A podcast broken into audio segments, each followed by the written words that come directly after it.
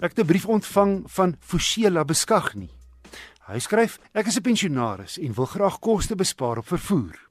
Ek sal graag my eie elektriese motor wil bou. Ek het 'n ligte bakkie met agterwielaandrywing. Waar kry ek 'n elektriese motor en batterye vra hy?"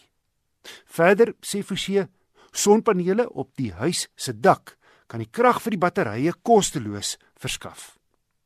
Nou ek het Forsie se brief voorgelê aan Nicolou, hy is die tegniese redakteur van die tydskrif Kar.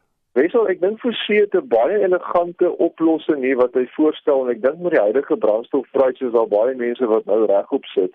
Maar ek wil ongelukkig vir Forsie teleurstel in die sin dat dit 'n baie groter projek is uit 'n ingenieursoogpunt en uit 'n finansiële oogpunt as wat hy miskien besef. Ek self was gelukkig geweest om by die Joule elektriese kar betrokke te wees as ingenieur by Optimal Energy en uh, so ek weet waarvan ek praat as ek as ek kyk na kompleksiteit en kostes van elektriese karre. Maar kom ons kyk net gou indien daar onuitputbare bronne van geld was, wat gaan 'n mens benodig om 'n elektriese kar dan nou te bou of om die omskepping dan te doen? So ja, eerstens gaan jy 'n elektriese motor benodig.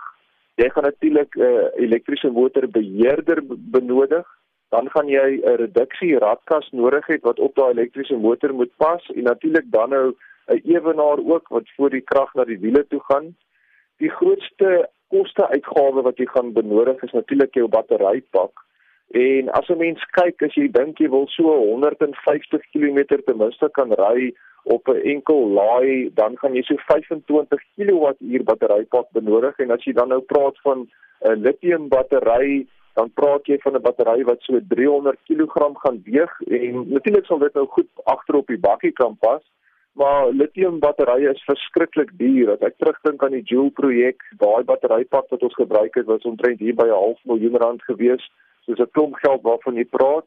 En die probleem is jy kan nou oorweeg om iets te gebruik soos jou nikkel metaal hidriet batterye, uh, maar natuurlik jou energiedigtheid is soveel laer. Of selfs jou loodsuur batterye, net om 'n idee te gee, 'n loodsuur battery is 10 keer minder energiedig as wat 'n lithium battery sou wees. So in plaas van 300 kg praat jy van 3 ton wat jy gaan nodig hê wat die arme ou bakkie dan nie sal kan kan rondkar wy nie. Ehm um, dan natuurlik gaan jy batterybeheerstelsel nodig hê. Dit is baie belangrik dat al daai selle gebalanseerd is ten alle tye dat jy nie oorverhit nie. Jy gaan natuurlik 'n laaier moet hê wat in die kar geïnstalleer is, want as jy wil inprop ergens om te laai, dan moet die batterylaaier byderhand wees. Ehm met elektriese kar het jy ook nog steeds 'n 12 volt battery nodig, 'n gewone kar battery want onthou, al die stelsels binne in die kar gaan nog steeds met 12 volt moet werk. En indien jy die kar afsluit as jy wegstap van hom, is dit 'n veiligheidsding dat die hoofbattery word ontkoppel en jy gaan die 12 volt battery nog nodig hê om jou alarm en al die tipe van dinge nog te kan hardloop.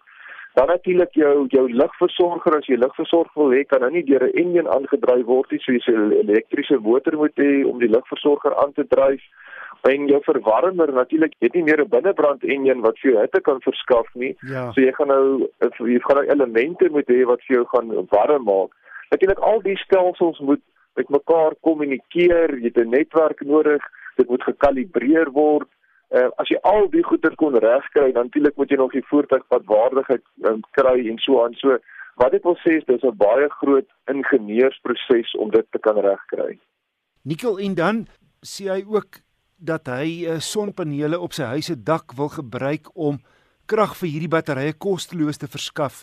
Maar goed, dit is ook nie so eenvoudig soos dit klink nie, nê. Dit sou wonderlik wees wessel as ons almal dit kan doen. Natuurlik sonpanele kos ook 'n klompie geld om te installeer. Dit vat 'n hele klomp jare voor jy weer daai koste sal kan terugmaak. Maar kom ons kyk net gou uit 'n ingenieursoogpunt uit.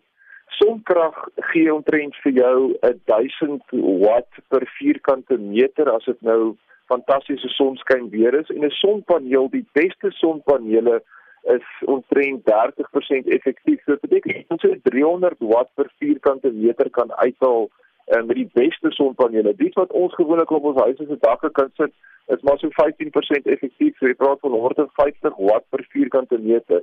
So as mense nou dink jy wil 'n 25 kWh batterypak wat ons net van gepraat het vir daardie voertuig laai en sê nou maar jy het so 8 ure van sonskyn, dan beteken dit jy gaan hier in die omgewing van omtrent 20 vierkante meter sonpanele op jou dak moet sit om in 8 ure jou voertuig te kan laai.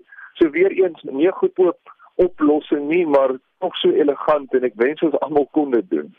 Nikkel op daai punt ongelukkig in Suid-Afrika word elektriese voertuie nie gesubsidieer nie, net soos in heelwat ander lande uh, as jy 'n elektriese voertuig koop dan kry jy soveel pond of dollar terug van die regering af.